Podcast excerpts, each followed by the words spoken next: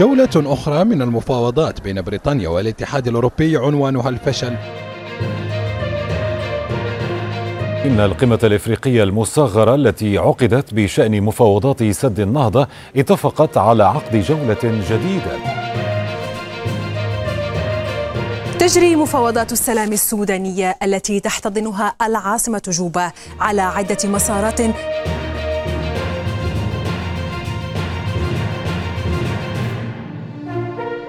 تشير الإحصائيات أن عدد العمليات التفاوضية التي تتم في مدينة جنيف يصل إلى نحو عشرة آلاف عملية في السنة والمعدل نفسه تشهده مدينة نيويورك.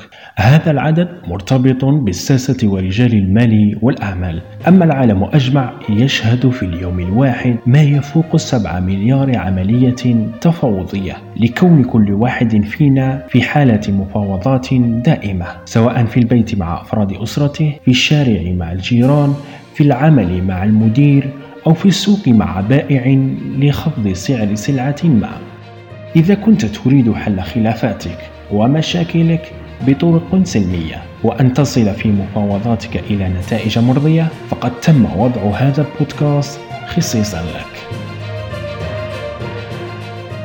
أنا حاج طالب صيدلة وناشط جمعوي. جئت لأطرح هذا البودكاست تحت عنوان فن التفاوض في كسب الآخرين والتأثير فيهم.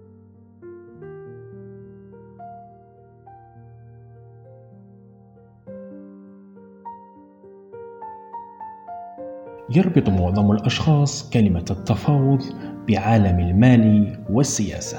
ولكنها كلمة لها نفس الأهمية في حياتنا اليومية والعائلية. فأنواع المفاوضات التي يواجهها الإنسان لا حصر لها فقد تكون ذات طابع رسمي أو غير رسمي مرتبط بالعلاقات الاجتماعية مما يجعله جزء أصيل من حياة الفرد. ومهما كان طابع التفاوض فإنه يحتاج من الإنسان أساليب وقدرات تعينه للوصول إلى نتائج مرضية تجعله يكسب أصدقاء جدد ويؤثر فيهم. التفاوض علم يتصل بقضايا الإنسان الحيوية فهو يرمي إلى إيجاد نوع من التفاهم الفاعل بين بني البشر سواء كان ذلك على مستوى الأفراد أو المؤسسات أو الدول. فالفرد يجري مفاوضات مع أولاده حول المكان الذي سيقضون فيه العطلة الصيفية أو حول مكافأة النجاح أو على الطريقة التي يعامل بها بعضهم البعض.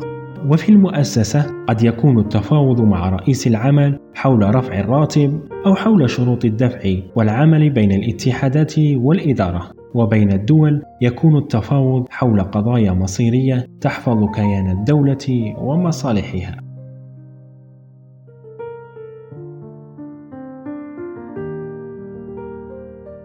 وبهذا يمكننا القول أن مجتمعا حرا لا يمكن أن يعيش بلا تفاوض فهو الطريق الأفضل والأنجع لتحقيق الرفاهية وحل الخلافات والنزاعات بأقل قدر من الصراع الذي يهدر الجهد الإنساني بغير داع. هذا ما يدفعنا لاكتساب وتعلم ما يمكن تسميته ثقافة التفاوض. فمتى ما كنت في نقاش تفاوضي سواء في العمل أو في المنزل فحاول قبل البدء أن تعرف هدفك وأقصى ما يمكنك تقديمه بالمقابل. كأن تطلب من ابنك القيام بمهمة صغيرة مقابل أخذه معك في رحلة نهاية الأسبوع. أن تجعل ذهنك إيجابيا فالغضب يجعل طريق التفاوض مسدودا. البحث عن حجج حقيقية تدعم بها موقفك وعن إيجابيات أصدقائك والمتفاوضين معك فهذا الأمر سيساعدك عندما تختلف معهم.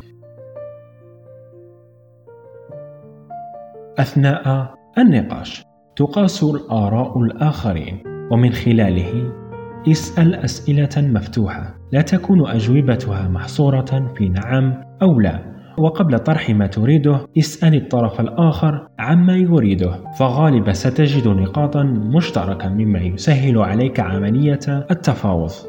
وحاول الاستماع باهتمام لأجوبة الطرف الآخر واظهر التعاطف والاحترام لأفكاره وأهدافه. كمحقق صحفي يحاول ببساطة اكتشاف كل شيء حول الشخص الذي يتحاور معه. هذا ما يجعلك ترى الأمور من وجهة نظر الطرف الآخر.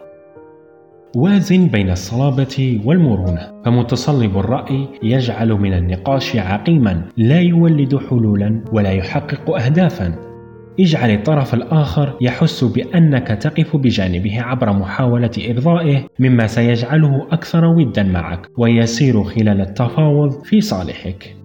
اعترف بأخطائك فذلك سيظهر أنك أمين مع نفسك ومع الآخرين وسيثبت أنك مرن ومتفتح وأن أسلوبك لا يتسم بالعدوانية.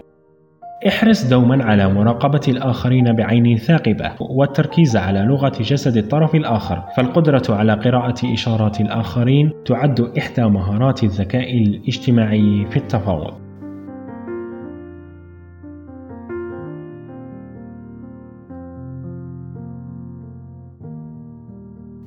التفاوض الحقيقي يحدث عندما يحترم كل جانب الجانب الآخر ويحترم وجهة نظره ويدخل في خضم النقاش بإيجابية ولتحقيق ذلك يجب ما يلي.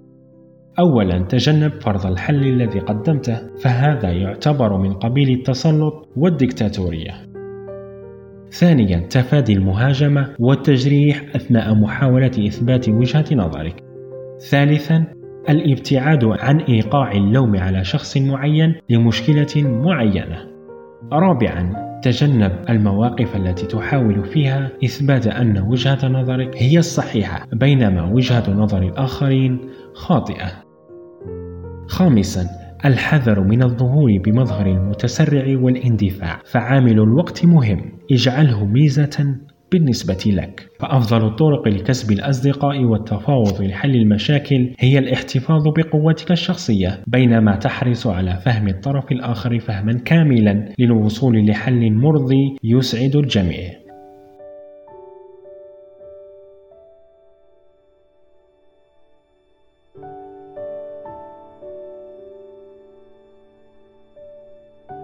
وفي الأخير التفاوض فن من فنون الحياة ومفتاح من مفاتيح النجاح الأساسية. بإتقانه ينجح الفرد ويكسب وبجهله يتعثر الفرد ويخسر.